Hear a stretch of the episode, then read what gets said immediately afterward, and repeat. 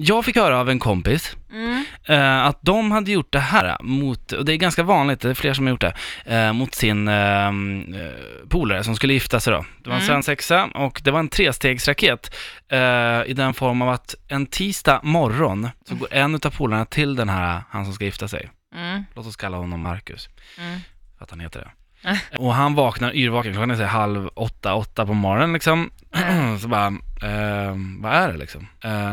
Nej, han, vår polare säger ingenting utan bara lämnar bara över en korg och där är ett brev med instruktioner. Mhm. Och det han får veta är att han ska alltså ta sig till, eh, de bor i Farsta, Mm. han ska ta sig över gröna linjen till Hässelby strand.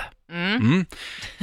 På vägen dit, då ska han avsluta tre stycken starköl Aha. och en, jag tror att det var 30 centiliter sprit, det är ganska mycket. Väldigt mycket. Ja. Ja.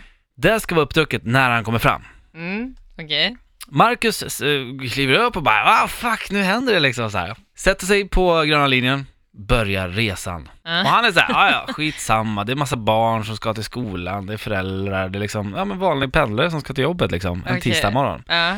Han dricker och sitt dricker och det är han skäms ju lite men han Mm. bara han förklarar för alla, nej men jag ska på svensexa, det är lugnt liksom. Och han har inte hunnit äta någon frukost, så att han är ju liksom så här, han blir ju snabbt påverkad liksom. Ja. När han kommer fram till Hässelby strand, då är han f- alltså mer eller mindre full. Ja.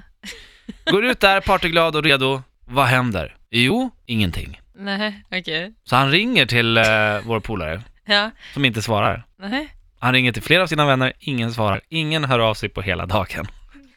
Men, Jävligt taskigt, men jävligt kul.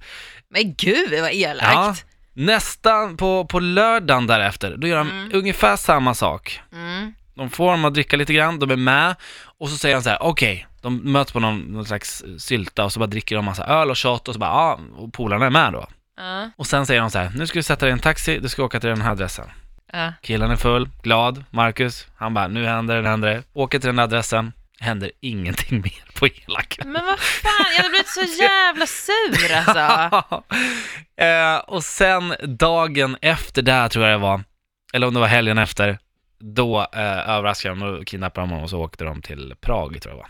Ja, okej. Ja. Ja, så länge man ger upp för det. Alltså Ja. det är ju så här, Ja. fan vad elakt Han om var det ju aldrig förbannad, blir utav någonting. mer. helvete. Men fatta Ja. klockan, kliva av i Hässelby strand, var aspackad tisdag Ja. morgon liksom. Ja, Nej, gud vad jobbigt. fan vad hemskt alltså.